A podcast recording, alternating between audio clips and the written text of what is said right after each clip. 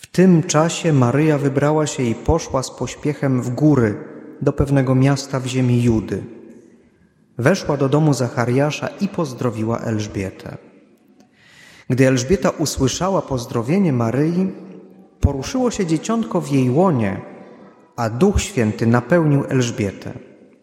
Wydała ona głośny okrzyk i powiedziała: Błogosławiona jesteś między niewiastami i błogosławiony jest owoc Twojego łona. A skądże mi to, że matka mojego Pana przychodzi do mnie? Oto bowiem, skoro głos Twego pozdrowienia zabrzmiał w moich uszach, poruszyło się z radości dzieciątko w moim łonie.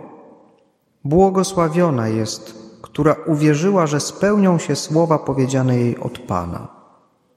Wtedy rzekła Maryja: Wielbi dusza moja Pana i raduje się duch mój w Bogu, Zbawicielu moim, bo wejrzał na uniżenie swojej służebnicy. Oto bowiem odtąd błogosławić mnie będą wszystkie pokolenia, gdyż wielkie rzeczy uczynił mi wszechmocny, a Jego imię jest święte. Jego miłosierdzie z pokolenia na pokolenie nad tymi, którzy się Go boją. Okazał moc swego ramienia, rozproszył pyszniących się zamysłami serc swoich, strącił władców stronu, a wywyższył pokornych. Głodnych nasycił dobrami, a bogatych z niczym odprawił. Ujął się za swoim sługą Izraelem, pomny na swe miłosierdzie, jak obiecał naszym ojcom, Abrahamowi i jego potomstwu, na wieki. Maryja pozostała u Elżbiety około trzech miesięcy, potem wróciła do domu. Dzisiejsza uroczystość, moi drodzy, jest dobrą okazją, żeby zapytać się, kim jest w zasadzie właściwie ta, którą my nazywamy najświętszą, najświętszą Maryją Panną i jak to się stało, że ona w ogóle została w niebo wzięta. No bo przecież to nie jest takie wydarzenie, które oglądamy na co dzień. Można powiedzieć, w niebo wzięcie jest rzadkością. Oprócz Maryi w Starym Testamencie jeszcze Eliasz został porwany do nieba. Mówi się też, że Henoch. No ale to są tak rzadkie przypadki. A w Nowym Testamencie ona, Najświętsza Maryja Panna. No więc kim ona jest? My na co dzień możemy powiedzieć, my wiemy, kim ona jest. Ona jest Maryją z Nazaretu, matką Syna Bożego. I to, co wiemy, to, co zostało powiedziane, doprowadziło chrześcijan po wielu latach, bo dopiero w połowie XIX wieku, do tego, żeby powiedzieć, skoro ona jest najświętsza, najświętsza ze wszystkich, ona jest niepokalana, czyli wolna od jakiegokolwiek grzechu, przede wszystkim od grzechu pierwszych rodziców, czyli od tego grzechu, zmazy grzechu pierworodnego, to ona właśnie jest taką, ponieważ tylko ktoś taki, ktoś tak czysty, tak niepokalany i najświętszy mógł być matką samego Boga. Maryja jest tą, mówiąc to jeszcze inaczej, która nosiła w sobie samego Boga. A więc Maryja była, można też powiedzieć, obdarowana najbardziej ze wszystkich ludzi.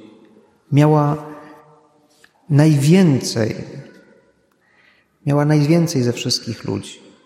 Ale co to znaczy? Czy to znaczy, Wspominając Psalm 24, który się zaczyna od słów do Pana, należy cała ziemia i wszystko, co jest na niej. Że Maryja posiadła cały świat. No, nazywamy ją też królową nieba i ziemi. Nazywamy ją królową świata. Czy tu chodzi o jakieś posiadanie? Nie. Ta szczególność Maryi, to szczególne jej obdarowanie polega na tym, że właśnie ona była tak wierząca, to znaczy tak wierna, mówimy o niej Panna wierna, że ona była tak oddana Panu Bogu. Ona o sobie dzisiaj, nawet w tym wyśpiewanym kantyku wobec Elżbiety, i wcześniej wobec anioła nazywa siebie służebnicą, można nawet powiedzieć niewolnicą. Hedule to jest niewolnica. I ona tak się przejęła Panem Bogiem, tak do Niego przylgnęła, że zgodziła się oddać Mu całe swoje życie, wręcz swoje ciało dosłownie. Powiedziała: Zamieszkaj w moim ciele. Przyjęła samego Boga do łona pod serce, urodziła go, potem się nim opiekowała, wykarmiła, była z nim cały czas, wychowywała go. Kiedy zaczął nauczać publicznie, znosiła wszystko to, co również o nim gadają. Znamy ten epizod z Ewangelii, kiedy mówią, co on wyprawia, idź go uspokój. I wreszcie była z nim wtedy, kiedy kończył swój ziemski żywot. Przez to dopełnienie, przez to, co właśnie podczas świętego Triduum Paschalnego, co zrobił dla ludzi, zwyciężył śmierć w okrutnej, przyjętej dla nas śmierci. Ona była razem z nim. Ale dlaczego o tym wszystkim opowiadam właśnie w kontekście tej uroczystości w niebowzięcie? Bo właśnie to, właśnie to, kim ona była w tym życiu ziemskim, na tej podstawie Kościół doszedł do nieomylnego y, wniosku, który nazywa się dogmatem, że ona została wzięta do nieba. Bo jeżeli od samego początku ziemskiego swojego życia Maryja była tak związana ze swoim synem, tak mu oddana, tak dzieliła całe jego życie, cały jego los, to wydaje się to niemożliwe żeby po swoim ziemskim życiu miała być ona od Niego w jakikolwiek sposób oddzielona. Wiemy, że Chrystus, Jezus Chrystus, jej Syn, On jest właśnie tym, który stoczył dla nas śmiertelną, dosłownie śmiertelną walkę z diabłem i zapłacił cenę życia za to, żeby diabeł stracił tę moc uśmiercania nas. Jezus dokonał paschy, czyli wyjścia, tego wejścia w śmierć, można powiedzieć, w tę otchłań, która zawsze pochłaniała ludzi. Wszedł w otchłań grzechu i wyszedł z niej, ponieważ jest Bogiem, wyszedł z niej żywy i wstąpił do nieba. W naszym ludzkim ciele, które dała mu Maryja przecież. To jest też wyraz tej jedności właśnie Maryi z Bogiem, zjednoczenia z niej. I to świętujemy, te tajemnice paschalne świętujemy, wspominamy uroczyście w całym okresie wielkanocnym. I to jest istota naszej wiary w Boga i w to, co On dla nas robi. Ale warto właśnie dziś zauważyć, że Matka Pana Jezusa, Maryja, zawsze była z Nim. I kiedy Chrystus jest, dokonuje tego dzieła odkupienia, zbawienia, śpiewamy zwycięzca śmierci, piekła i szatana, czyli on depcze głowę węża, to nie bez powodu w Księdze Rodzaju mówi się to o niewieście, o tej, która depcze głowę węża. Ona to robi mocą Jezusa Chrystusa, swojego Syna, z którym jest właśnie tak zjednoczona. Jest taki obraz e, mistrza Caravaggio, dla wielu z Was być może znane jest to nazwisko, gdzie on ma bardzo ciekawą intuicję właśnie zjednoczenia Maryi w tym, w tym deptaniu głowy węża ze swoim synem. Maryja trzyma kilkuletniego chłopca Jezusa, podtrzymuje go tak, jak się uczy dzieci czasami chodzić, i ona gołą stopą, bosą stopą depcze głowę węża, a Pan Jezus trzyma stopę na jej stopie. To jest ta jedność właśnie. Ona jakby uczy go w tym ziemskim życiu, do czego on idzie, do czego jest przygotowywany. I potem, można powiedzieć, te role się zamieniają. Jezus depcze głowę węża, a Maryja trzyma stopę na jego stopie. Maryja i Jezus stanowią jedność w walce ze złem. Ona jako stworzenie, ona jest stworzona przez swojego syna, on jest Bogiem, stwórcą, a on z kolei dostaje od niej ciało. To jest jedyne w historii tego typu zjednoczenie człowieka z Bogiem, ale to jest zaproszenie dla nas, żebyśmy na swój sposób, w swoim życiu też takiej łączności z Panem Bogiem pragnęli.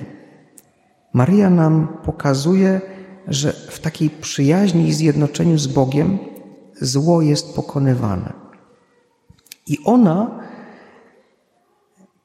tej przyjaźni z Bogiem, będąc, weszła do raju. Ona otworzyła bramy raju.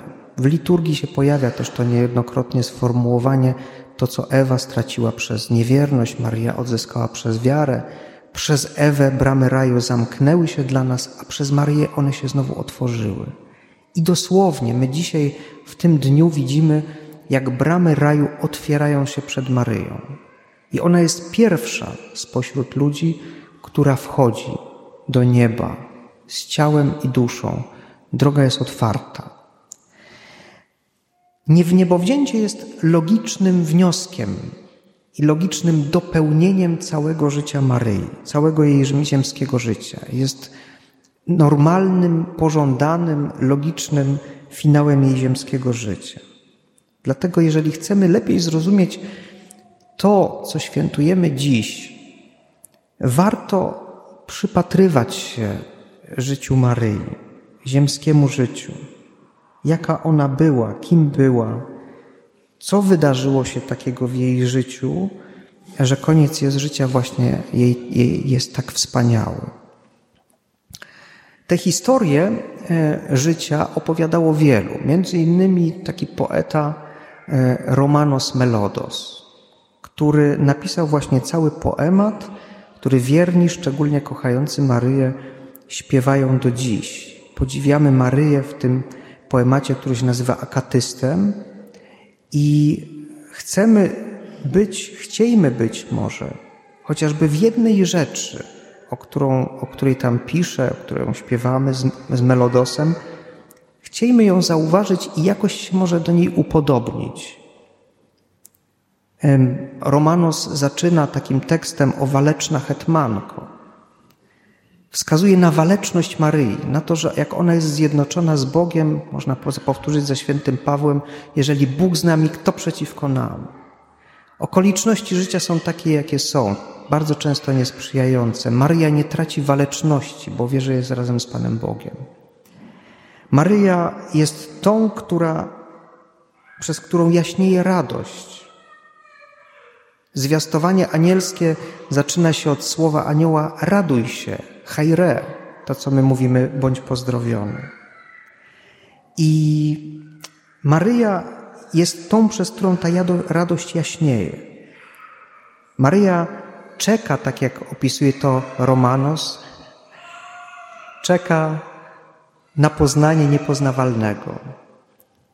Czeka na poznanie samego Boga, który jest niepoznawalny dla naszego umysłu, a ona z wytrwałością tego wyczekuje.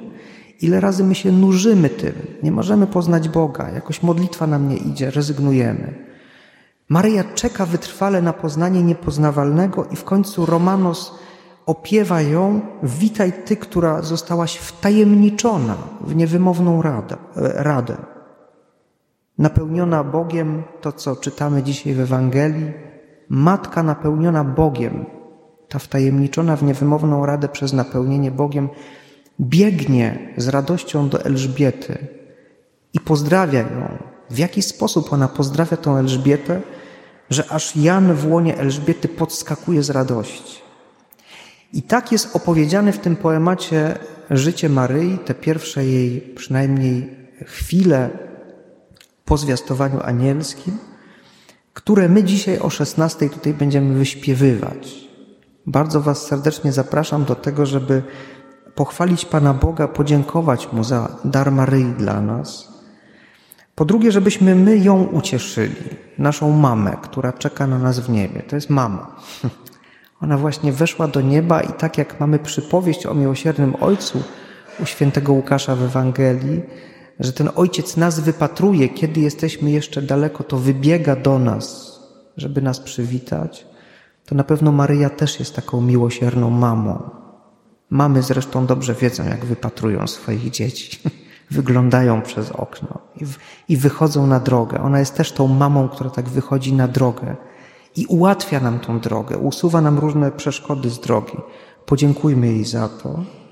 I w końcu pomódlmy się też nam na pożytek, żeby ta dobra modlitwa upodabniała nas do Maryi, żeby nam dawała dobre natchnienia i dobry przykład. Jakoś ten, ten akatys jest naprawdę dla naszego ucha zachodniego, zachodnioeuropejskiego. Ten wschodni poemat jest czasami tak odświeżający i odkrywczy, że naprawdę każdemu tę modlitwę polecam, żeby się zachwycić tym pięknem słów, które tam padają. Po co to wszystko? Po to, żebyśmy po prostu z Maryją jak najszybciej i jak najpewniej przede wszystkim mogli się spotkać w niebie. Amen.